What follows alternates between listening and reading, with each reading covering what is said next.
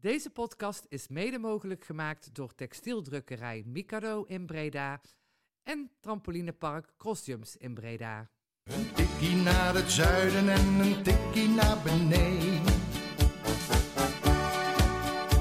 Daar wonen al mijn vrienden en daar voetbalt NAC. Laat nu de klok maar luiden, er is toch niks aan te doen. De B-side staat in vlammen en NAC wordt kampioen. Ja, welkom luisteraars bij een nieuwe Een Tikkie naar het Zuiden. En dat is natuurlijk de podcast van BZZ over NAC. En ik heb het nog snel even opgezocht. Het is nummer 60 jongens, weer een mooi eh, rond getal. Ik zit hier vandaag met eh Levine, beter bekend als De Poop. Goedenavond. En eh, Thijs BSR 2. Ik weet eigenlijk niet wat jouw... Tieftenberg. Tieftenberg, ja. Wat ook, Tieftenberg. ik noem je al Thijs 2, maar... eh, en Thijs 1, oftewel eh, Das Fantoom. Eh ja, jongens. We beginnen maar met het goede nieuws. Zes op een rij en twaalf op rij ongeslagen. Ja, het gaat goed. Het, eh, we zijn op weg eh, richting de Eredivisie. Hè? Of in ieder geval, we hebben de, de juiste weg ingeslagen. eh. Zeker. Jullie zaten hier ook gisteren allebei in de, in de matchcast. Eh, ik eh, heb de wedstrijd eh, met een iets meer een schuin oog eh, bekeken. Dat komt omdat je een beetje loenst. Ja, dat klopt. Eh, maar eh, ik was nog, ik was nog een beetje aan het werk. Maar ehm, eh, ja, ik, ik, ja, ik moet eerlijk bij mezelf heb ik het gevoel van ja, mij maakt het ook niet meer uit. Drie punten, ik vind het echt prima. Hoe hebben jullie dat ervaren en hoe kijken jullie daar nu een dag later op terug? Ik denk hetzelfde, alleen eh, waar we het toen ook over hadden in de rust, dacht je wel van dit zou wel een mooie kans zijn om aan doelsaldo te werken. En dacht je van ja, dit wordt een walk-over. Dat bleek uiteindelijk eh, tegen te vallen. Maar ja, toch gewoon, je wint hem wel en dat is, eh ben je uiteindelijk tevreden mee lijkt me. Ja, het is een wedstrijd met twee gezichten. Hè? Voor rust eh, eh, overrompel je AZ echt, eh, lijkt je ja, weg te gaan lopen. En dan eh, breng je jezelf toch in de problemen. En dat is, eh, ja, ik denk wel, eh tekent dat een beetje dat, dat daar misschien toch nog wel ergens de zwakte van NAC zit. Het feit dat eh, een zekerlijke overwinning toch misschien niet zo heel zeker is. Maar ja, het feit dat je hem dan toch over de streep trekt, dat is wel iets waar je eh, toch wel moed uit kunt putten. Ik wil even bij het begin van de wedstrijd natuurlijk beginnen. Kai de Roy. We hebben hem al een paar keer benoemd de afgelopen weken dat die jongen er steeds beter in komt. Dit was wel een lekkere actie hè, voor dat doelpunt. Ja, hij is, dat is natuurlijk de vraag die al een paar weken gesteld wordt. Hij, hij lijkt al wel echt los. En dat is voor NAC supergoed nieuws. En ja, wat hij gisteren deed was gewoon magistraal. En, op, en op rechtsbuiten, ik, ik blijf het maar noemen. Ik bedoel, eh, dat vind ik toch wel opvallend dat hij het daar ook zo goed doet. Ja, ik denk dat het voor hem niet eens super veel uitmaakt met zijn techniek. Hij kan eigenlijk eh, heen kappen waar hij wil. Dus, eh, en ik denk dat hij, jij hem beter op rechts kan hebben dan Alucci. Dus ik snap op zich die afweging wel.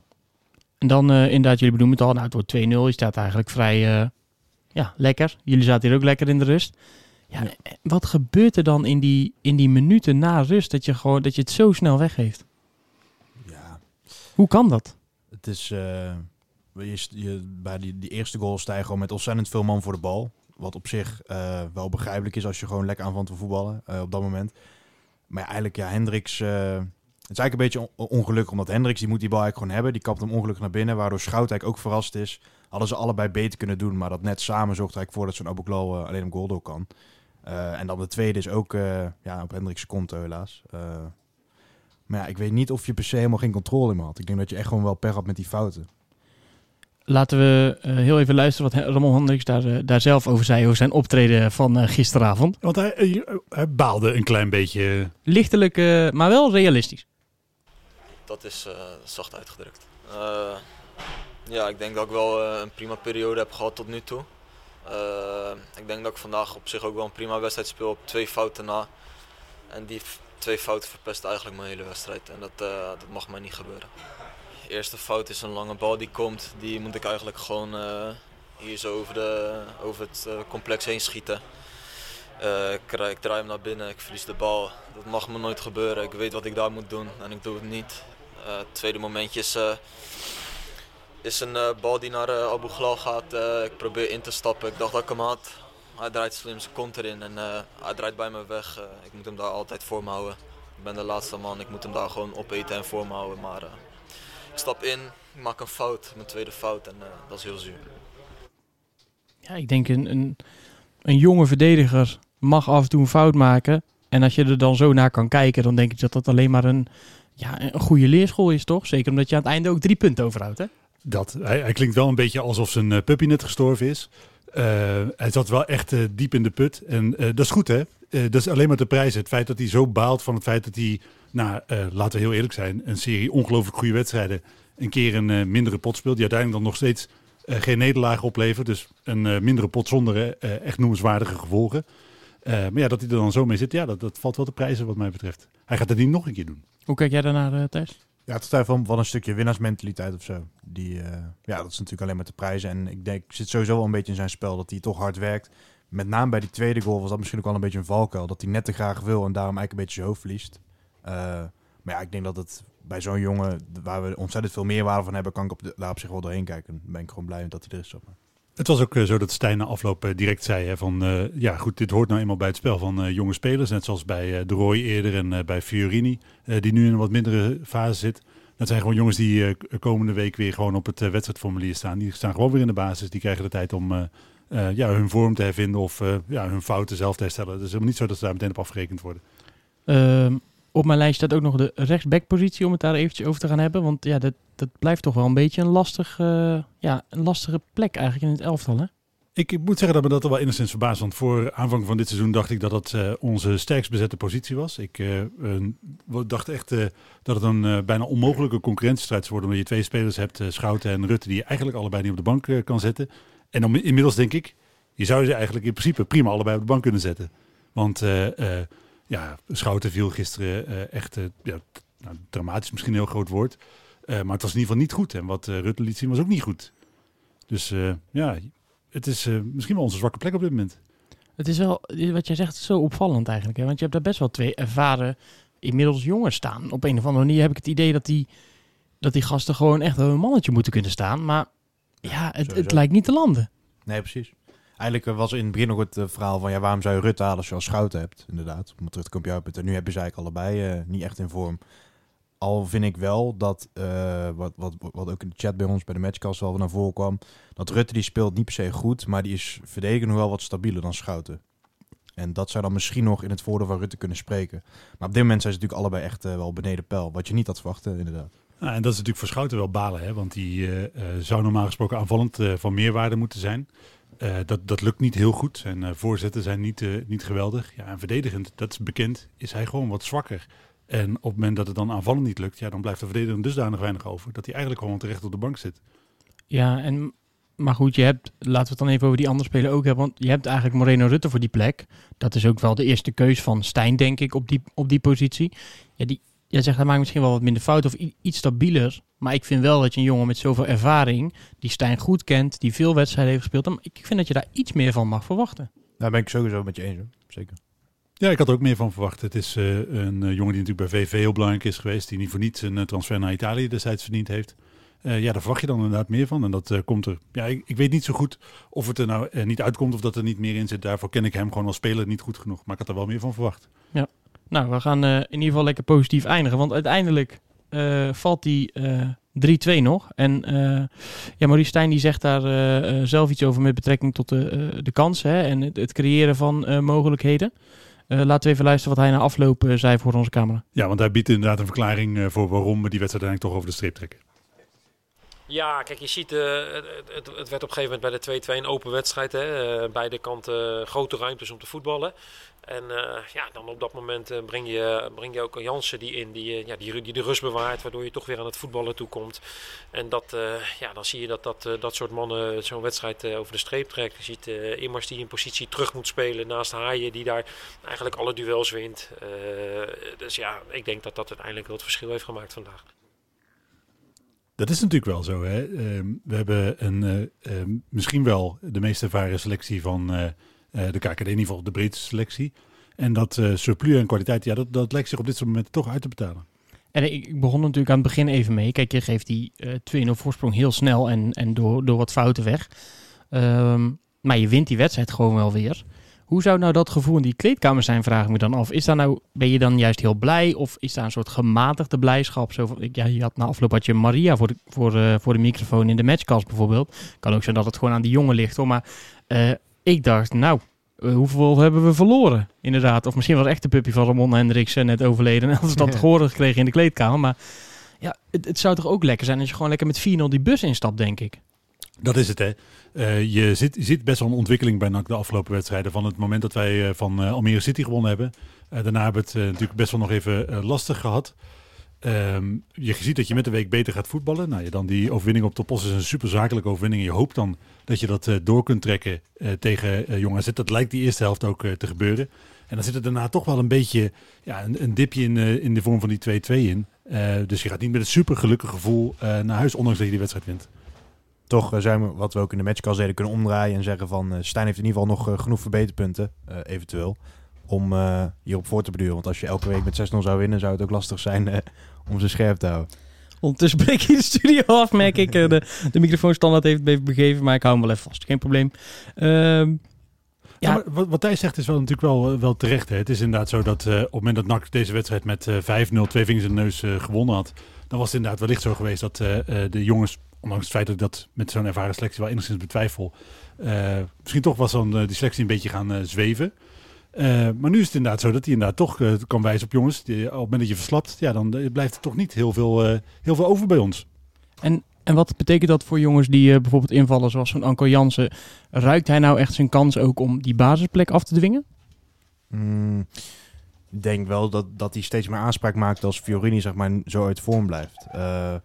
Al wat ook al veel in de chat werd gezegd en op de site ook al een paar keer voorbij is gekomen. Hij oogt nog niet super fit, zeg maar. En ik, zou dat toch wel, ik ben er toch wel benieuwd naar hoe dat nou eigenlijk zit. Dat kom je natuurlijk maar op één manier achter om wel langer te laten spelen. Uh, maar wat mij betreft oogt hij nog niet heel fit. Ehm, dus ik vind dat lastig om te zeggen. Al vind ik, uh, Fiorini heeft misschien ook al wat krediet opgebouwd met zijn goede spel. Dus, uh, het hangt een beetje af van de vraag hoe lang Fiorini die vormdip, en dat is wel een groot woord, want het is ook niet zo dat hij heel dramatisch speelt. Dat hij dat dipje, hoe, hoe lang dat, dat, dat ja, hoe lang dat dipje blijft bestaan. Uh, op het moment dat dat maar een paar weken duurt, dan gaat Jansen niet in de basis komen. Denk, want ik denk dat je, als je Fiorini eruit haalt, uh, ook best wel wat inlevert. Ja, loopvermogen misschien. Precies, en dat, uh, dat, dat kan Jansen niet compenseren. Ik denk dat Stijn vast gaat houden aan deze elf. als die de kans krijgt. En dat hij op specifieke momenten, want dat was, zag je natuurlijk gisteren ook, hij bracht Jans op het moment dat uh, echt om de kwaliteiten van Jansen gevraagd werd. Nou, en hij benoemt het ook in zijn, uh, in zijn gesprek na afloop. Hè. Uh, het is natuurlijk ook heerlijk voor een trainer om gewoon een aantal spelers achter de hand te hebben hè, die, die je in kan brengen. En als het dan spelers van het kaliber Anko Jansen zijn, ja, dan mag je als trainer alleen maar in je, in je handje knijpen, denk ik. Nou, we hebben het er eerder ook over gehad hè, met Stijn, of het voor hem lastig is om deze groep op dit moment te managen. Uh, ik denk dat het, uh, zolang we winnen, inderdaad echt wel mee blijft vallen. Maar uh, ja, zo'n jongen als Jansen zal er op een gegeven moment wel een beetje moeilijk gaan doen, lijkt mij. Ik geloof gewoon niet dat hij genoegen neemt met een half jaar op de bank. Vind ik lastig. Ja, vind ik ook lastig. Maar aan de andere kant, hij heeft zelf al in een interview een keer gezegd... joh, ik, ik ben gehaald. Ik, ik weet dat de trainer heeft gezegd dat hij me nodig heeft. Maar aan de andere kant is hij wel al zo lang prof dat hij ook wel weet dat als zo'n team blijft winnen uh, en het niet door een ondergrens zakt, dat hij, dat hij ook wel, denk ik, snapt dat hij die plek niet per se uh, uh, kan gaan eisen. Kijk, bij Emma was het natuurlijk een ander verhaal, want die wonnen niet. En dan zit je heel ontevreden op de bank, denk ik. Nee, zeker. En misschien is het ook wel zo dat in, in Stijns voordeel spreekt dat je jongens als Dogan bijvoorbeeld ook helemaal niet hoort. de, ik moet me af en toe zelf herinneren. ja. ja. exact. Weet je, ah, ja, die hebben we ook nog. Zit hij op de bank? Staat hij op de bank? Nou, is geblesseerd volgens mij op dit moment. Oh, thuis op de bank. weet ik niet zeker. Maar in de periode daarvoor heb ik hem ook niet gehoord. Kali is weer fit, die hoor je ook helemaal niet. Uh, die hebben natuurlijk ook geen recht van spreken op dit moment. Uh, Hij zit gewoon, die zijn toch afgeschreven gewoon. Dat is eigenlijk het idee toch? Jawel, maar het feit dat dat dus blijkbaar geen splijtswammen uh, in de selectie zijn, dat zegt wel iets over hoe de sfeer dus blijkbaar is. Of ja, hoe hij het onder controle heeft. Nou, ik snap wat je bedoelt, maar het zijn ook geen jongens die van dusdanige invloed zijn geweest dat ze nu een, voor een splijtswam zouden kunnen zorgen, zeg maar. Kijk, als je nu ineens uh, Tom Haaien eruit gaat halen. En je zegt, uh, Tom, uh, zoek het even uit, je, je, speelt niet meer. Om welke reden dan ook. Dan kan ik me voorstellen dat dat een heel ander effect op een groep heeft. Dan dat je een Kali en Dogan hebt. Die, ja, die trainen mee en fijn voor in de, in de tweede partijvorm, zeg maar. Maar voor de rest, ja, zo so be it. Ja, ja fair enough. Ja. Ehm, Helaas had het uh, ontslag van Ole Tobias uh, het gewenste effect voor Almere City, want die uh, wisten te winnen. De Graafschap die deed wat het dit seizoen al een aantal keren heeft gedaan, namelijk in de laatste minuut een wedstrijd beslissen. maar ja, wij winnen ook. Dus laten we het toch maar weer even hebben over de wekelijkse promotiekansen. Ehm, zeg het maar jongens, hoe kijken jullie ernaar na deze week? Zullen we eerst luisteren wat, wat de trainer over zegt, of wil je eerst zelf? Nou, ik, vind, ik schat je hoger in, dus... Uh, ja, goed. Mijn, mijn uh, mening is bekend. Hè. Ik uh, vertrouw er steeds meer in. Ik Eh, Ik denk dat alle ingrediënten aanwezig zijn om er een eh, succesvol einde van de competitie van te maken. Eh, waarbij wel aangetekend moet worden dat eh, mijn echte overtuiging is dat we alle resterende wedstrijden moeten winnen. En daarvan ben ik wel realistisch genoeg om te beseffen dat dat een lastige opgave is. Eh, maar goed, zolang we eh, geen punten laten liggen, kan het. We, het is niet voor niets dat we al zes wedstrijden op rij eh, eh, winnen. Er is volgens nog geen reden te bedenken waarom dat de zevende keer niet zou lukken. En de achtste keer en de negende keer en de tiende keer. Thijs? Ja, ik ben er wel iets gematigd in. Ik denk dat alle teams op Cambuur misschien nou wel iets, eh, iets van punten laten liggen. Eh, maar dat moet er niet meer te veel zijn. Misschien nog een verliespartij, een één of twee gelijke spelen, dat je daar nog mee wegkomt. Eh, anderzijds komt er dan ook wel extra druk te liggen op de met de graafschap. Dus ja, het, is gewoon zonde dat je al zoveel achter stond. Want je staat nu maar vier punten achter. Dat is natuurlijk met een paar weken geleden ja, hartstikke mooi. Alleen is er wel nog genoeg werk in de winkel, waardoor je niet echt een foutenmarge meer hebt, heel erg. Nee, we gaan, we gaan zo even luisteren naar de, naar de trainer. Maar wat ik vooral interessant vind in de komende paar wedstrijden, ehm, is wat ga je nu doen? Want ik vind, we hebben nu weer die zes wedstrijden gewonnen, hè? net als waar we de competitie mee begonnen. Eh, toen was de sfeer goed, euforie. Nou, het spel is denk ik nu nog iets minder dan, dan toen. Ik vind het iets beter juist. Oh, Ja. dat is dan de- mijn gevoel misschien, dat, eh, dat ik dat zo eh, ervaar. Behalve de wedstrijd tegen Jong Ajax was wel echt... eh, Ja, dat was die laatste toen. Dus misschien dat dat dan een beetje tussen mijn oren zit. Maar ik ben nu heel benieuwd hoe die lijn doorgetrokken gaat worden. Want toen zijn we natuurlijk gewoon abrupt door stilstand gekomen. Maar wat gaat er nu gebeuren, weet je wel? Kan je nu die extra stapjes maken als ploeg? Met een dikke vette cirkel om, eh, om eh, 29 maart? 28. 28, nou 29 vieren. Nee, eh, 28 maart tegen, tegen de Graafschap. Maar daar heb ik natuurlijk eh, ja, echt ontzettend veel, eh, veel zin in. Ja, jij eh, noemde hem al even. Laten we even naar, eh, naar Maurice Stijn luisteren. Wat hij te zeggen heeft over de promotiekansen van zijn ploeg. Ja, zeker op basis daarvan. Een aantal dingen. Je, je zit in de winning moed. Dat komt eh, dat je zelf eh, al twaalf wedstrijden ongeslagen bent. Maar ook doordat de concurrenten punten laten vallen. En, en buiten dat vind ik ook dat het voetballen steeds, steeds beter wordt. Ik vond vandaag bij Vlagen heel behoorlijk.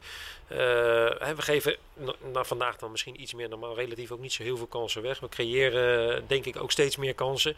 Dus je ziet dat de ploeg steeds meer in de stijgende lijn komt. Het is nog niet top allemaal, dat weet ik. Maar ja, weet je, dat heb ik al eens eerder gezegd. Dan, dan moet je ook om je heen kijken hoe, hoe de rest eh, soms ook heel wedstrijden heel moeilijk wint. Dus het is allemaal niet zo, niet, zo, eh, niet zo makkelijk. Maar ik ben wel tevreden met de manier waarop we het nu doen.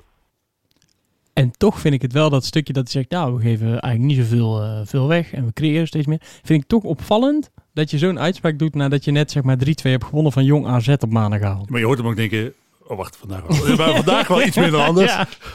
Dus het, uh, hij stelt zich wel goed. Maar, uh, Winning moet, dat uh, blijft mijn uh, lijfspreek de rest van het seizoen. Winning moet. Maar ja, maar het is toch... Ja, jezus. Muur. Winning moet ook. Moet ook winnen. Maar uh, ja, het is 12 wedstrijden. Dat is, wel, dat is echt een serieuze reeks. Hè. Dat is echt wel, echt wel knap. Ah, weet je, dat is ook waar, waar, waar mijn hoop voor een heel groot deel op gestoeld is. Uh, ook als we het uh, niet redden met directe promotie, want daar, mits en maar, de graafschap heeft ook niet zomaar van gewonnen. We gaan zo dadelijk misschien nog praten over waarom dat misschien wel een wat kansrijker scenario geworden is. Eh, maar zelfs als je de graafschap niet inhaalt en derde wordt, dan is wat je nu opbouwt aan vertrouwen, aan uh, automatisme, aan uh, ja, zeg maar, uh, samenhang in zo'n groep. Dat zijn allemaal zaken die je nodig hebt om ook in de nacompetitie de play-offs een serieuze kans te maken. Dus ik heb echt het gevoel dat er een basis gelegd wordt waarop, prima, waarmee we prima zouden kunnen promoveren. Of dan lukt, dat is een tweede, maar dat, niemand kan echt in de toekomst kijken. En hoe lekker is het dan als jij in de weken voorafgaand aan een uh, hele belangrijke wedstrijd gewoon een beetje gaat winkelen bij de, bij de tegenstanders. In plaats van dat er onrust is bij jouw uh, club is, weet je wat je doet? Je gaat gewoon een bommetje gooien in Doetinchem. En je zegt, uh, Ralf Seuntjes, kom jij bij NAC? Ja, ik moet eerlijk zeggen, ik zag deze niet aankomen van, van verre niet meer. Nooit is, meer eigenlijk. Het is een beetje uh, wat Ajax normaal gesproken doet. Wat grote clubs doen hè? Bij, uh, bij de tegenstander stoken. En NAC is natuurlijk in, misschien niet qua voetbal, maar toch zeker wel qua budget, ergens een beetje het, het Ajax van de keukenkampioen-divisie dan is dit wel een klassieke truc om uh, je kansen te vergroten. Maar even nak niet. Normaal doe je gewoon een gerucht, hè? Maar dit is gewoon al uh, in kan en kruik als ik het zo lees en hoor. Dat verbaasde mij dus ook wel. Het begon een beetje als een gerucht, wat ik, wat ik wel logisch vind. Want uh, kijk, altijd als van een type Ralf Seuntjes een contract afloopt, dan hoor je altijd wel de verhalen over NAC. Zeker bij hem dat hij ook uit Breda komt. Uh, maar eigenlijk binnen een paar dagen tijd werd het ook gewoon best wel concreet. En dat verbaasde mij ook wel enigszins. Uh, daar gaan we het zo ook nog over hebben, omdat we ook al natuurlijk andere spits onder contact hebben staan. Maar ik kan, ja, het is natuurlijk niet lekker voor, uh, voor de graafschap. We hadden ook uh, straks een uh, artikel om op Gelderland gevonden, waar ook eigenlijk best wel met ja, toch al wat, wat, wat boosheid werd gereageerd daarop. Omdat ze, ja, zij vonden het echt niet netjes. Nee, maar hadden, hadden jullie dit nou nog zien verwacht dat hij nog naar NAC zou komen. Want, want als je nu bedenkt dat hij twee jaar geleden... hij mocht hij op kantoor komen bij eh, Tom van de Ambelen. Nou, hij met een goede bak met zin eh, naar het stadion. Vijf minuten later stond hij buiten met een eh, gebroken droom eigenlijk. Een gebroken nakhart. En nu twee jaar later eh, eh, lijkt hij alsnog dus naar, naar Breda te gaan Ja, komen. dat is het voordeel als je elke drie jaar eh, radicaal van beleid eh, wisselt. dan eh, zijn dat soort dingen ook mogelijk. Nou ja, eh, Ja, maar dit is wel, wat de tijd Ja. zegt klopt wel. Het is wel een beetje nak in de noten op dit. Ja. Nee, nee, dat heb je niet nodig. Ah, kom alsjeblieft, kom alsjeblieft. ja. Ja, dat, Maar ja, hoe kijken, hoe kijken jullie naar? Wat, wat, wat vinden jullie hiervan? Ik vind het een beetje dubbel, want eh, ik eh, ben er echt van overtuigd dat je in de keukenkampioen-divisie eh, een eh, geweldige speler aan hem hebt. Ehm, dat, dat weet ik gewoon echt zeker. Als je naar de statistieken kijkt de afgelopen jaren, dan is dat ook gewoon echt zo. Hij is eh, dit jaar niet voor niets weer topscorer bij de Graafschap. Het is niet zo dat hij, dat over een paar maanden niet meer kan. Dat geloof ik echt niet. Eh, maar ja, mocht je nou promoveren, dan weet ik niet precies wat ik eh, me bij zijn rol in de Eredivisie voor moet stellen. En de Eredivisie is het niet per se een, de doelpunt te maken die die op KKD-niveau wel is. Maar kan die wel belangrijk zijn. Misschien zelfs nummer 10, wat Stijn ook al aangaf. Maar je hebt ook al Lex Immers een beetje in die rol. Hè. is ook een beetje een vergelijkbaar type speler. Ehm, dus wat dat betreft is het wel dubbel. Ideaal gezien zou je met hem in de, in de KKD spelen. Maar dat is natuurlijk helemaal niet wat je wil als club. Je wil naar de Eredivisie. Nee, precies. Dus eh, ja, ik vind het wel mooi. En eh, ik, ik gun het hem ook wel. Ik vind het ook wel een leuk gast altijd in interviews. En het, ik heb zelf dan, en dat ook andere mensen op de site, eh, stiekem hoop dat hij dan Mats misschien ook weer deze kant op trekt. Wat ik ook gewoon een hele goede voetballer vind. als, ze, als ze ooit nog samen willen voetballen en je NAC zou promoveren, dan moet het natuurlijk dan gebeuren. Al snap ik jou ook wel, want op Eredivisie niveau is het niet per se... ehm, ja, Zijn statistieken zijn op dat niveau niet super geweldig. ja, is het een beetje zo'n dienende speler misschien. Maar waar heb je er met Bilaat en Immers al meer van? Nou ja, Ja, en en, dat- en, en, en laten we even de hoop, hè, eh, eh, van de hoop, zeg maar, de, de gedachte dat we, dat we promoveren. Eh, je promoveert, en, maar dan krijgt hij dus een contract voor waarschijnlijk mogelijk twee jaar en nog een optie Zo'n derde jaar, tot een derde jaar. Maar ook in, de, ook in de Eredivisie, want dan is hij inmiddels 35. En als je nu al twijfelt of die zeg maar, de speler is is, voor 31, Eredivisie. Ja, nou, volgens mij als hij dan komt is hij 32, Ah. denk ik. Misschien leg, eh, druk ik me verkeerd uit. Ik vind hem eh, ook in de Eredivisie van meerwaarde. Alleen kan ik me minder goed voorstellen wat zijn eh, positie eh, per definitie wordt. Ik- Ja. In de keukenkampioen wordt hij gewoon spits, neem ik aan. Denk ook. Ja, ik, ik denk dat tegenwoordig de, de echte prime van spelers ligt misschien toch wel iets langer. Dus dan 32 tot 34 zou nog kunnen. Daarna wordt het dan een beetje twijfel, twijfelachtig. Al er werden ook wel de verhalen nu eh, kwamen dat, dat hij dan daarna een rol bij de club nog zou kunnen vervullen. Ja, Eh, want eh, daar wil ik wel heel even, heel even kort uitstapje van maken. In een lange podcast met Moreno Rutte, van onze collega's van de Gekenpress, heb ik toen geluisterd. En die tipte dus Ralf Seuntjes als toekomstig technisch manager bij, bij NAC. Hè? Omdat eh zeggen, ja, eh, Rutte zei, ik heb met hem eh, gespeeld bij VVV. En dan heb je natuurlijk bij de Koel, die trainen ook daar in de Koel. En dan heb je natuurlijk die enorme trap waar je elke keer af moet. Dus ook als ze trainen, die trap op en af. En wat er daar altijd gebeurde was dat Ralf Seuntje op het veld stond. En dan hadden ze weer een proefspeler of iemand die een keer eh, mee kwam draaien. En dan stond Ralf zo te kijken hoe hij die trap afkwam. En dan zei hij, nee, wordt niks. En, dat is gewoon zo vaak goed gegaan. eh, dat hij zegt van ja, eh, en dat is natuurlijk eh, een eh, anekdote, maar ik bedoel, hij zegt ja, ik denk dat hij daar wel geschikt voor is. Dat dat een Ja. nieuwe jongen is die zich kan ontwikkelen en die natuurlijk met een Breda hart iets kan betekenen voor zo'n club. Ik vind het wel heel leuk dat we straks gewoon een echt een echte supporter eigenlijk op het veld hebben staan. Zeker. En dat wat je, die anekdote die je noemt, hè, misschien zit er ook wel echt zijn kwaliteit. Hij snapt wat er gevraagd wordt. Hij snapt welke mentaliteit je moet hebben om eh, te slagen bij, in, de, in de Eredivisie, maar zeker ook bij NAC als eh, supporter. En dat is natuurlijk wel een kwaliteit die je goed in je selectie kunt gebruiken. Ja, want je, we kunnen ons dat, dat... Kijk, inmiddels is het hilarisch tv, maar dat interview van hem herinneren bij AZ uit. Waarin hij alles en iedereen van zijn eigen selectie kapot maakt. Omdat ze Ja. niet naar hem willen luisteren. Maar er Beetje zit- eh, kwakman-esque was dat. eh, Ja. maar er zit natuurlijk wel een kern van waarheid in. Want die jongen die is gewoon, eh, zeker op dat niveau, helemaal gepokt en gemazeld. Die weet hoe zo'n wedstrijd werkt en wat je moet, wel en niet moet doen. Ja, en als je daar als jonge spelers niet naar, niet naar wil luisteren, dan geloof ik dat je daar wel, eh, dat je dan gifkikker in hem eh, Ja. eh, losmaakt. Ehm, heb jij het fragment eh, wat wij net hebben te Ja, horen ik ga eens gekregen? kijken Want, of het eh, lukt om hem eh, ja. af te spelen. want heel even kort, eh, Thijs, jij zegt al. Je zit volop. Oh, ja, ja, eh, ja, je- gaan we. Thijs, jij zegt... eh, je oh. Ja, ga niet? Gaan we Nee, ik niet wil, of eerst even, ik wil hem even, in, ik wil hem heel even introduceren. Ik wil hem even introduceren. Want jij zegt inderdaad, ja, bij de Graafschap landt dit natuurlijk niet lekker. Nee. Hij eh, eh, komt na die 1-0 overwinning, in, die in zijn laatste minuut halen, komt hij eh, voor de camera bij ESPN. En dan wordt er natuurlijk gevraagd, joh, we hebben dit en dit gehoord. Ga je naar NAC? Nou ja, daar reageert hij natuurlijk eigenlijk buitensporig op voor een, voor een prof. Hij stond de glim van oor tot Ja. oor. Ja, precies. Euforisch. Euforisch, echt heel blij. Eh, en het allermooiste wat de Graafschap nu gedaan heeft, is dat ze dus vandaag een interview met hem hebben opgenomen op het clubkanaal. En laten we even een kort fragmentje daarvan horen. wedstrijd tegen Eindhoven. Ehm, als je je de vraag nu zouden stellen, Nou ja, als ik nu nadenk, had ik gezegd. eh, ik vind het een hele vreemde vraag. We zijn vol in de promotiestrijd eh, met de graafschap. En eh, NAC is een concurrent voor ons. Ik eh, heb een contract tot eind juni. Ik zo en alles voor mij is op de graafschap. En daar zit niks anders bij. snap je Dat is dus een totaal, maar dan ook totaal ander antwoord dan hij daadwerkelijk gegeven heeft. Maar hoe, even serieus, hoe lekker is het nou? Kijk, ik had het kut gevonden als het bij NAC spelen was Ja, gebeurd. Maar, maar hoe lekker is het nou dat daar gewoon een keer een speler staat die, die gewoon zegt... Oh ja, blij, ik ga naar NAC en eh, leuk en mooi en we zijn in onderhandeling. En dat je dan gewoon het lef hebt om als club de volgende dag op je clubkanaal hem voor de camera te halen. En dan het hele perspraatje wat je eigenlijk van tevoren tegen hem had willen zeggen van... eh, Ralf, als ze naar vragen, dan zeg jij eh, dat je volledig op eh, de graafschap focust. En dan zeg je dat je volop in de promotie bent en dat je hier tot juni onder contract staat. En dat je dat de dag daarna alsnog gaat doen. Echt Ja. schitterend. Ja, is ook schitterend. Maar dat is natuurlijk hè, de grote vraag. Want los van de vraag of hij voor, voor komend seizoen van meerwaarde is, kunnen we natuurlijk wel stellen dat hij in alle waarschijnlijkheid dit seizoen misschien wel van grotere waarde nog is. Nou ja, dat zeg jij. Maar wat nou als het andersom is? Hoe bedoel je? Stel dat wij hem dan wel eh, in die toppen maakt hij er drie. En hij schiet ons, eh, houdt ons in de KKD. Of eh, we komen in de nacompetitie alsnog tegen omdat Almere boven ons eindigt en hij schiet ons eruit. Hoe kijk je dan naar dat Ralf Steentje bij ons komt?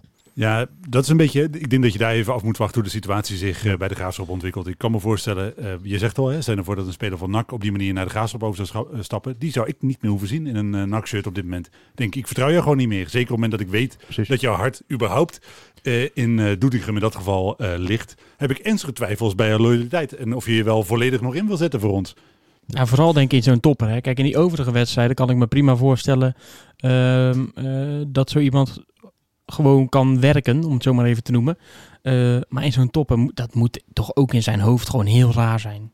Nou ja, het- je hoopt ook dat het in zijn hoofd heel raar is. Want eh, ehm, wat je ook zegt, het kan natuurlijk heel goed zijn dat hij extra gemotiveerd is om te bewijzen dat het niet zo is. Dat hij eh, alleen met NAC bezig is. En dat je dus een tot op het bot getergde speler krijgt die inderdaad een KKD houdt. Ja goed, daar heeft hij ook zichzelf mee. Ja. Dus ik hoop ergens dat hij verstandig genoeg is om dat niet te doen. Wat ik wel daar wel over wil zeggen, dat is iets waar ik me heel erg herinner bij Ralf Seuntje ook. Eh, ik weet niet of jullie dat ook nog herinneren. Toen hij met eh, FC Den Bosch een keer de play-offs speelde, eh, toen was er een soort gelijke situatie aan de gang. Eh, namelijk Joris Peters, die we allemaal wel kennen van Willem II.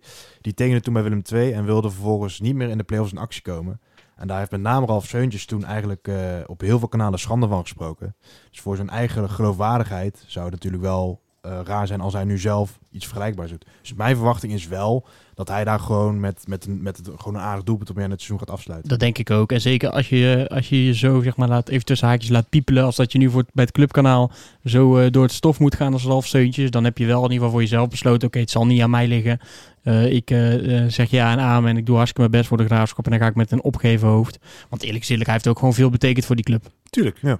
Seun of Judas wordt hij inmiddels wel genoemd. Maar eh, Nou ja, dan nee, je hoopt toch wel. Maar ik hoop gewoon dat hij verstandig genoeg is om ergens de komende week een bloempot op zijn voet te laten vallen. En dat hij, ach jammer, kan niet meer spelen de rest van het seizoen. Kut. dat, eh, ja, dat zou het allerbeste zijn. Nou, we gaan het, eh, we gaan het zien. Ehm, maar goed, eh, eerlijk is eerlijk. We hebben nu natuurlijk twee spitsen onder contract. Waarvan eentje het contract af gaat lopen. Dat is Sidney van Hooydonk en eh, Mario Bilate. Eh, wat heeft eh, deze aankomende transfer voor hun eh Ja, wat- gisteren al kort belicht natuurlijk in de, in de matchcast. Maar eh, met name voor Van Hooijdonk lijkt het toch wel eh, een beetje einde de verhaal te gaan worden. Wat, wat toch wel ergens jammer is. Maar ook alweer beg- ja, begrijpelijk. Ik denk ook zeker Sydney zelf. Die best wel eh, altijd wel aanspraak heeft gemaakt op basisplaats. In de concurrentie met Stokkers, Bilate. Eh, je merkt gewoon dat Stijn het niet heel erg op hem heeft. Puur qua type speler. En je hebt al Bilate die eigenlijk al liever opstelt. En daar komt dan ook nog Ralf Seuntjes bij. Dan denk ik dat Sydney gewoon eh, gaat vertrekken. Zo. Ik denk misschien dat het ook wel andersom is gegaan. Dat ze al lang weten dat Van Hooydonk niet bij wil tekenen. Eh, En dat ze toen hebben gezegd, oké, ja, dan gaan we doorschakelen. En dat ze daardoor ook bij Ralf Steuntjes zijn Nou, uitgekomen. goed punt inderdaad. zou ook eh, goed kunnen. Ja, ik denk dat het een beetje een combinatie van beide is. Eh, want het begint natuurlijk. ja, nee, maar het begint natuurlijk wel met het feit dat Stijn het niet in hem ziet zitten. Op het moment dat eh, NAC een coach had gehad, die aan het begin uitgesproken had: Vriend, je bent mijn vaste nummer 9. We gaan het elftal een beetje op jouw kwaliteiten inrichten. Dan komt het helemaal goed. Dat hij gegarandeerd bijgetekend. Nee, natuurlijk, maar dat, dat bedoel ik, dat was al het gegeven. Want hij, vanaf begin seizoen is dat al duidelijk dat hij, dat hij niet in hem ziet zitten. En dat Van Hooyd ook daar zijn conclusies mee heeft getrokken. En dat hij heeft gezegd, ja weet je, dan laat maar, ik ga ook niet bijtekenen. Want ja, jij zit hier nog minimaal een jaar of twee. Eh, en ik wil graag door in mijn carrière. Ja, dat, dat is wel zonde, hè, want ik denk eh, eh, dat eh, Stijn, dat iedereen daarover eens, eens was aan het begin van het seizoen, dat Stijn gewoon de juiste keu- keuze was als coach.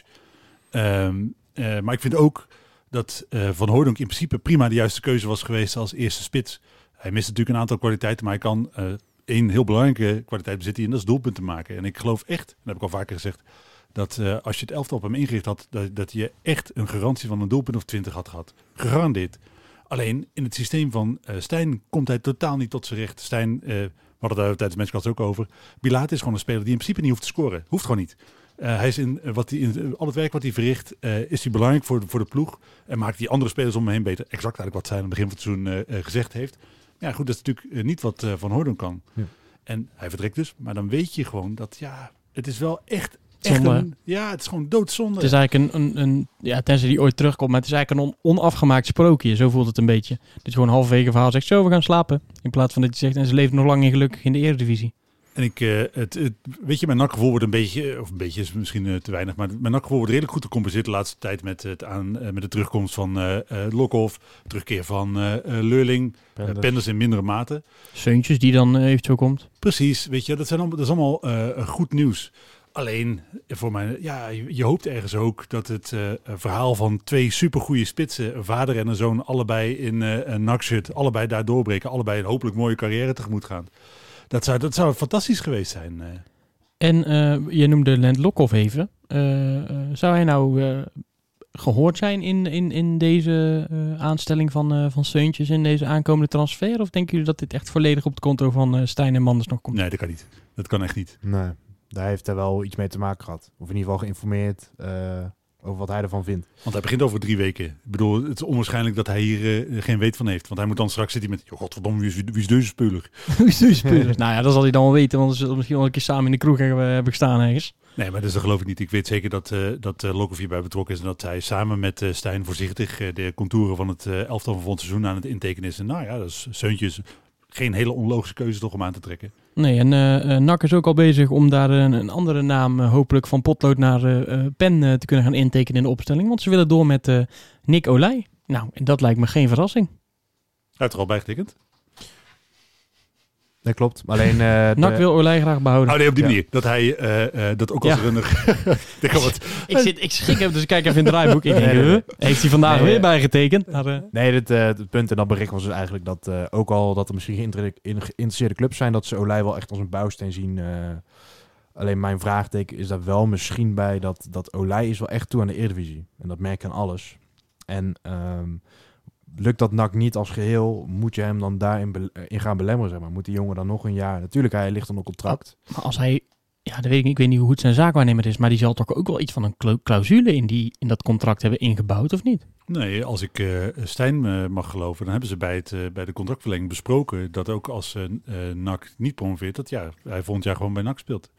Ja. En ik ben wel benieuwd hoe dat dan... Natuurlijk. zit daar wel een grens aan, denk ik. Want als een club echt veel geld gaat bieden, eh, dan, eh, ja, dan zal die wel weggaan. Alleen de, de, de vijver, de clubs die bij NAC vissen, hebben meestal niet superveel geld. Dat zijn toch een beetje de Sparta's, de Heraclessen, de Fortuna's die dat gaan doen. Dus eh, ja, lastig.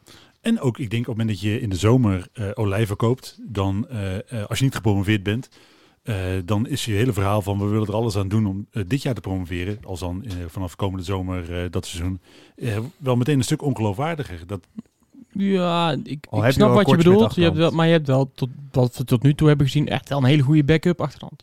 nee, maar het is wel wat NAC gezegd heeft, hè, we willen eh, onze selectie alleen maar versterken. Is ook wat Stijn letterlijk zei. Eh, als, eh, als het niet lukt, dan gaan we juist eh, proberen de kwaliteit toe te voegen. Dan is het laten vertrekken van een van je allerbelangrijkste spelers echt een verkeerd signaal. Ik, dat snap ik. Alleen zal je aan het eind van het seizoen zal er ook een, eh, een streep worden getrokken. En dan worden de plusjes en de minnetjes eh, onder elkaar gezet.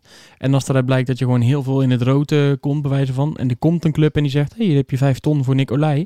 Ja, dan moet je toch moet je ook wel sterk in je schoenen staan als club. Ja, en dan is het inderdaad wat je zegt wel fijn dat je met Kortsmit in principe een, ja, toch die twee wedstrijden die hij gespeeld heeft, twee keer nul gehouden. En eh, eh, prima vervanger, zo lijkt het, achter de hand hebt. Laten we hopen dat eh Nicolai naar de Eredivisie gaat en dat hij de rest van de, van de club meeneemt. Want dan, eh, dan weten we zeker dat hij gaat blijven. Want dan zal hij denk ik gewoon zijn kans pakken om bij NAC eh, zichzelf in de kijker te spelen in de, op het hoogste niveau. Ja. Ehm, ja, de volgende wedstrijd staat natuurlijk alweer op de, op de agenda. NAC Helmond. Ehm, ja, ik wil bijna oneerbiedig eh, zijn en naast mijn schoenen gaan lopen door te zeggen, nou, drie punten en door naar een week later. Ja, dat, dat mag. Eh, Helmond heeft natuurlijk geen super lekkere generale voor eh een NAC gedraaid met een eh 7-0 thuisnederlaag tegen NEC. Eh, de week ervoor met eh 2-1 van Dordrecht verloren. Nou ja, eh, eigenlijk eens even kijken. Nou ja, 16 februari is hun laatste overwinning. Toevallig wel tegen Almere City. Eh, was ook wel een redelijk goede wedstrijd van, eh, van hun kant. Maar ja, in principe is dat natuurlijk een tegenstander die je wel eh, moet kunnen hebben. Als je serieuze promotie-aspiraties hebt.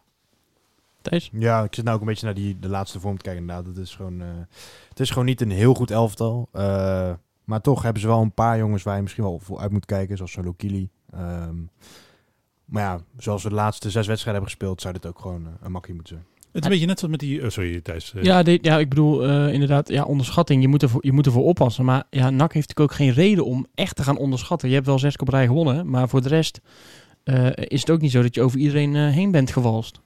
Nee, maar dit zijn typisch van die tegenstanders. En je zag het natuurlijk ook bij de Graafschap tegen Eindhoven... waar je wel eh, je bijna eh, in, of wellicht helemaal in eh, kunt verslikken. Dus je moet in ieder geval wel scherp zijn. En ik denk dat het ook alweer een, een spannende week kan worden met betrekking op de concurrentie. Almere die speelt uit tegen FC Eindhoven. Ehm, eh, de Graafschap moet naar Telstar. Dat zijn geen eenvoudige wedstrijden, denk ik. Ehm, ja, wie weet eh, eh, slinkt het eh, gat wel weer wat met, eh, met de nummer 2.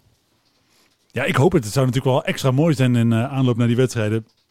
Want je hebt natuurlijk zelf eh, dat je nog eh, tegen Volendam moet voordat je tegen de Graafschap speelt. Het zou ergens relaxed zijn als je daar eh, iets van een buffer opbouwt. Dus dat je je misstap kunt permitteren. Dat zou, dat zou fijn zijn. En wat jij zegt over NAC, dat het nog niet heel overtuigend is, dat is bij de Graafschap eigenlijk nog in het kwadraat. Want die gaan echt met de hakken over de sloot continu, eh pakken ze net die punten. Dus ja, ik zie daar ook wel wat puntverlies in het verschiet liggen misschien. Ja, en ik zou het gewoon echt heel gaaf vinden dat we ja, dat, dat wij alles winnen richting die topper. En dat je inderdaad dat het een wedstrijd wordt waar het ook echt om draait, hè? Die, die 28. Zodat je gewoon dat je op dat moment bij wijze van spreken eh, letterlijk eh, over de graafschap heen kan gaan als je die wedstrijd wint. Of uit kan lopen zelfs al. Dat is misschien Ja, heel, ah, ja, dat is misschien ja. heel optimistisch. Dat is maar- heel optimistisch inderdaad. Maar gewoon dat je, ik bedoel, dat is, dat is wel al ook in aanloop naar eventueel mocht je het niet halen. Als je een na-competitie moet gaan spelen, dat je nu al een keer een wedstrijd hebt waar het gewoon echt, echt om de punten gaat, om het zo maar even te noemen. Ja, dat, dat, ik, ik heb daar wel zin in. Ik heb daar gewoon nu al zin in eigenlijk.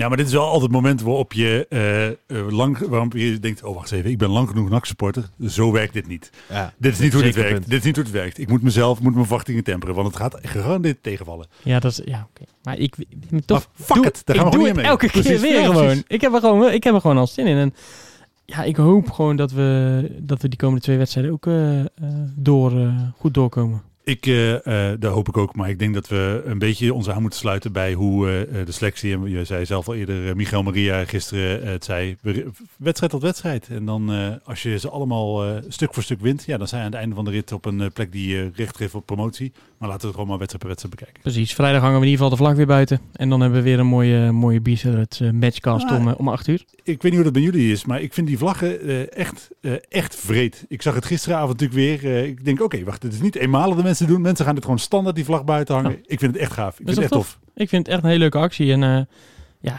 het, het, blijft, het, het leeft gewoon echt weer. Weet je wel? Ik vind het gewoon hartstikke leuk dat we doen weer volop mee. Het leeft weer, er is veel reuring. Eh, en, en laten we hopen dat we dat gewoon eh, vast blijven houden. Ik zag trouwens vandaag eh, Matthijs Manders op eh, eh, Twitter in een reactie op een bericht van de KNVB. Dat eigenlijk NAC de Graafschap wel mooie tests zijn om met een man of 3000 eh, eh, weer het zuiden in te mogen. Alleen maar uh, NAC-sporters dan. Ja goed, laten we, daar- laten we daarmee beginnen. Eh, 3000 de Graafschap Sport zou ik redelijk asociaal vinden. het, zou, het zou natuurlijk hartstikke mooi zijn als daar een keer eh, weer publiek bij komt. Maar je dat wel. zou misschien wel echt dat, net dat aller, allerlaatste zetje kunnen zijn. eh. dus eh, als hij dat voor elkaar krijgt, eh nou, standbeeld is een heel groot woord, maar ik maak wel macaroni kunstwerk voor hem. Oké, nou, nou, daar gaan we je aan, gaan we je aan houden, mocht het, mocht het doorgaan. En dan gaan we natuurlijk even naar de, de vaste rubriek ex-NAC. Ja, ik opperde nog even om met de oud broeksponsor te beginnen, maar ja... Die Ja, wil- ja, leg maar uit. Ja, de, de, de gebroeders Arzani, als ik het... nee, Ar Arzani heet ze? Dit- twee- jij begint erover? ja, ik vergeet Ik- die naam steeds van die twee gasten. Nou, in ieder geval die twee, die twee, eh, die, die twee gasten die ooit hebben gezegd... hier heb je 115.000 euro als je promoveert... en je mag mijn Lamborghini lenen. Eh, ja, die zijn opgepakt vandaag in een groot, eh, groot onderzoek door justitie. Eh, ik had nog even gebeld met de journalist die het artikel had gemaakt. Maar eh, het is niet zo dat eh, NAC nu 150.000 euro terug moet eh, gaan vorderen van de spelers, geloof ik. Eh, het is wel zo dat NAC destijds al gewaarschuwd is. Zo van, joh, kijk wel even waar het geld vandaan Ja. komt... en of het allemaal een beetje legaal is. En eh, ze zijn volgens mij wel één jaar Maar- broeksponsor geweest. Maar waarom moet je vragen stellen op het moment dat iemand jou zomaar 150.000 euro geeft? Ik vind ook niet. Als, nou, laat ik het zo zeggen. Ik vind dat best We onbeleefd. zitten hier aan de single, Nassau single, eh, eh, zitten we op te nemen. Als iemand hier nu naartoe komt, 150.000 euro, ik stel geen vragen. Nee, ik ook niet. Jij? Nee, same. Nee? Niemand? Nou, zijn we het over eens? Dus het is gewoon onfatsoenlijk om vragen te stellen. Ja, vind ik ook. Dus je weet ons te vinden, dan kopen we allemaal nieuwe... ha- Dan bouwen we hier gewoon een hele podcaststudio. Wel leuk. Eh, we laten gaan we echt een maar nieuw- dat is misschien eh, voor later. eh. Ja, bouwen we daar een nieuwe podcaststudio. Zeker met 115.000 euro. Laten we naar de, naar de echte ex-NAC-rubriek gaan. En daarvoor kijk ik altijd naar Levine, want die is er weer ingedoken. Ja, ik vind altijd, ik, ik verheug me daar zelf iedere week op, omdat eh, elke, ik doe het samen met eh Yannick en elke eh, zondag denk ik, kut, ik heb eigenlijk geen idee. En dan ga je in de kocht van dit, ik begin meestal, als ik echt geen, geen idee heb, met gewoon oude selecties bijpakken. Ik denk, oh ja, Jeffrey Sprong, oh ja, die is naar Litouwen.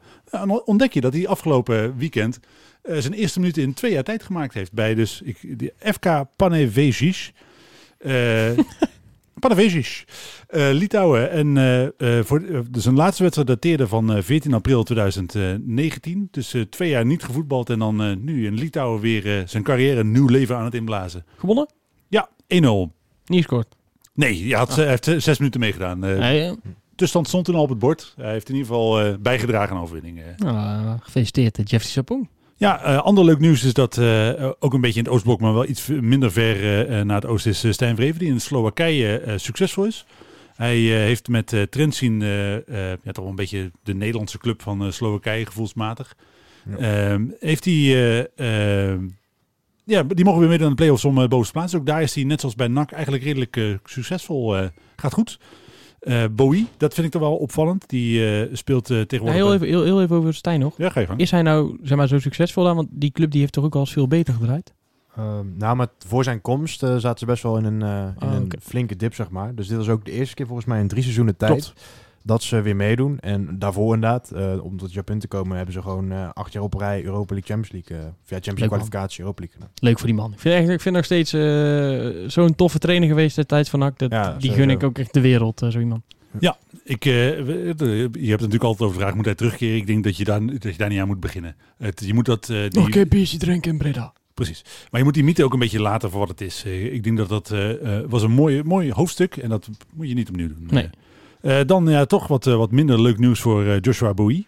Die zit bij Colchester United. Die spelen in de League 2. Eh, dus dat is niet echt hoog niveau in Engeland. Voor zeker gezien zijn historie als talent is hij behoorlijk afgegleden. Ja. Maar ook daar, hij speelt helemaal niet. Hij heeft dit begin dit seizoen elf wedstrijdjes mee mogen doen, maar speelt tegenwoordig zijn wedstrijden bij de onder 23. Eh, en eigenlijk is de boodschap eh, in Engeland, ja, hij zal, hij zal er echt een tandje bij moeten zetten, eh, want anders gaat het niks worden met hem. Maar het lijkt me ook voor dat soort spelers, hij is toch echt een buitenspeler, zo'n flankspeler. Als je dan op een gegeven moment in zo'n neerwaartse spiraal komt en je gaat een niveautje lager en je gaat naar de League One en dan naar de League Two. Op een gegeven moment kom je daar niet meer aan te pas, want dan wordt het gewoon honken-bonken voetbal daar. Ja, dan, dan, dan, dan kom je daar niet meer tussen, denk ik, als, vlag, eh, als flegmatieke buitenspelers. Nee, het is een beetje hetzelfde hè, met eh, James Horsfield. Die is inmiddels ook eh, uit de eh Football League gevallen. Speelt eh, nu in de National League samen met uh, Visayo Adrabayoyo. Smith Brown is ook Smith Brown, geen prof meer. Dat zijn allemaal jongens die eigenlijk uit die competitie gevallen zijn. Terwijl ze allemaal als eh talentenboek stonden. Adrabayoyo denk ik het minste van die, eh, van die groep. Maar jongens, Smith Brown, eh, ja, die had ik toch wel hoog ingeschat. begon bij NAC ook wel redelijk. Alleen, Ja. eh, ik had bij Bowie dat eh, die zeker zeg maar vorig seizoen, of was het het seizoen daar, dat hij af en toe inviel thuis tegen Jong Ajax. Die viel me wel echt al heel erg tegen, gewoon vanaf het begin al zeg maar. Die heeft ook bij NAC gewoon nooit echt eh, iets laten zien. Terwijl Ah, Hij raakte heel snel geblesseerd, hè? Dat wel.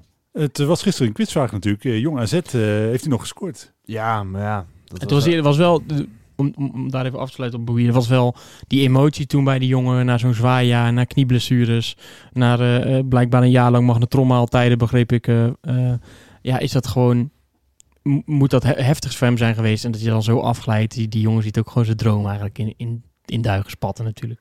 Ja, en ik vraag me altijd af wa- wat daar nou precies de reden van is. Want de, de laatste in die Exnac-rubriek is Paulo Fernandes. Daar gebeurt eigenlijk een beetje hetzelfde mee. Die zit bij eh, Castellon, de nummer laatst van de eh, Segunda División. Eh, zit hij ook eh, voornamelijk op, eh, op de bank. Maar dat is nog wel echt aardig niveau hoor.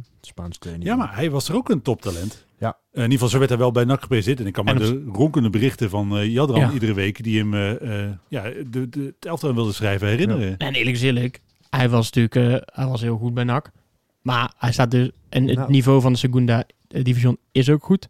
Alleen zit hij bij de nummer laatst op de bank. Dus Ja, ja, klopt. Maar was hij echt goed bij NAC?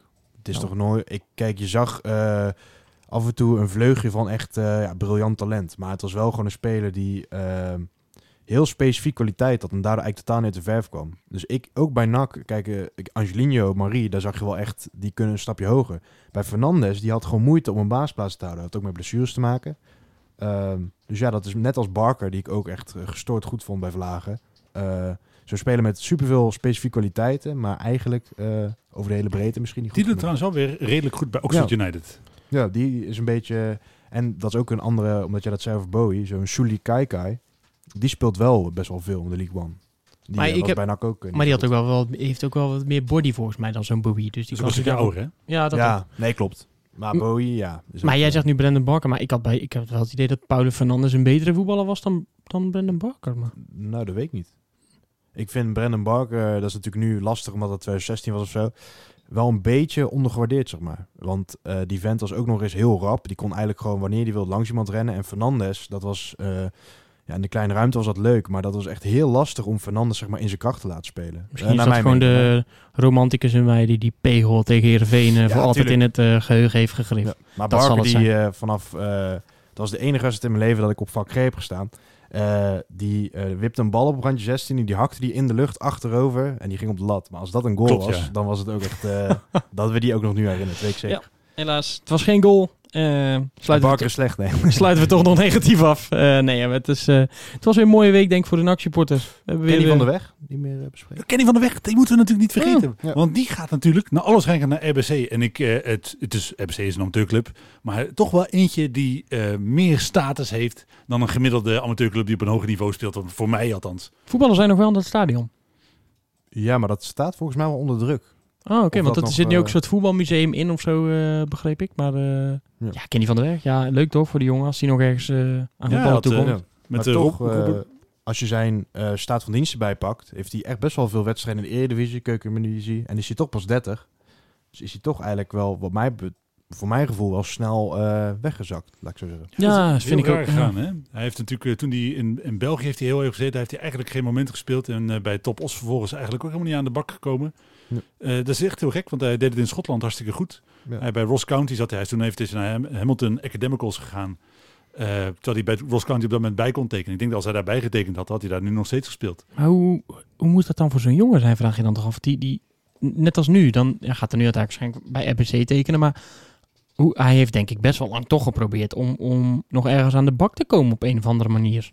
Dat lijkt me best wel frustrerend. Ja, volgens mij heeft hij ook wel gezegd dat er best wel wat in, eh, in interesse links en rechts was. Maar dat heeft dan, eh, ja, het pakt dan net niet helemaal goed uit. Het is natuurlijk een ongelooflijk vervelende tijd om als profvoetballer eh, zonder club te zitten. Want er is natuurlijk geen club die op dit moment risico's gaat nemen. Terwijl misschien een paar jaar geleden had een club gezegd, ah, wij weet je al, voor die paar tientjes nemen we jou er ook wel bij. Ja. Dus hij heeft gewoon pech. En dan, ja goed, op het moment dat hij nu naar RBC gaat, dan komt hij natuurlijk nooit meer terug in het profvoetbal. Maar het is inderdaad wel een carrière waar ergens...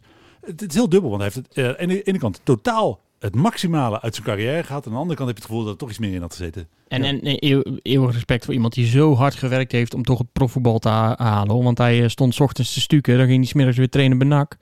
En dan ging hij 's middags weer stukken. En dat heeft hij een aantal jaren volgehouden totdat hij uiteindelijk een contract kreeg. En als je dan met die werklussen het uiteindelijk weet te halen tot de Eredivisie, dan verdient dat alleen maar een plein. En, en eh, natuurlijk altijd legend voor zijn eh, late doelpunt in de, in de 96e minuut tegen, Helmond Sport. tegen Helmond Sport. dat was natuurlijk schitterend. En, en die foto eh, haalde ik zo voor de geest. Hij werd ook bij NAC ieder jaar beter. En ik geloof echt dat op het moment dat hij bij NAC destijds bijgetekend had, dat is natuurlijk, we zijn niet heel lang daarna weer gedegradeerd, eh, dat hij best wel prima, eh, had echt niet meer staan in dit elftal. Eh, Ja. Hij heeft gewoon af en toe ja, ergens toch een beetje ongelukkige keuzes wellicht gemaakt in zijn carrière, waardoor het niet helemaal uitgepakt heeft zoals het had kunnen. Maar toch 60 wedstrijden Schotse hoogste niveau, 60 wedstrijden eh Eredivisie. Dat is niet, ja ongeveer, dat is niet, niet verkeerd uiteindelijk. Het worden mooie quizvragen, quizvragen later, denk ik, over, over Kenny van der Weg en de geschiedenis van, eh, geschiedenis van NAC.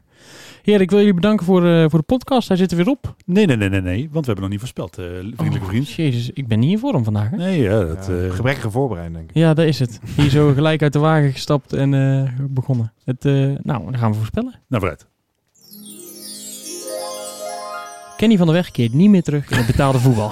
zeg ik. Statement. Eh, tenzij RBC echt een vroem raket vaart naar boven. Dan neem ik een seizoenkaart, denk ik. Bij deze. Kan je losknippen. Ehm, de wedstrijd van, eh, van vrijdag. NAC Helmond Sport. Eh 2-0, 4-0 en een goal van uh, Bilaat ga ik voor. Oké, ik eh 1-0, 3-0. Eh, 3-2 had jij eigenlijk ook wel misschien. Of ik.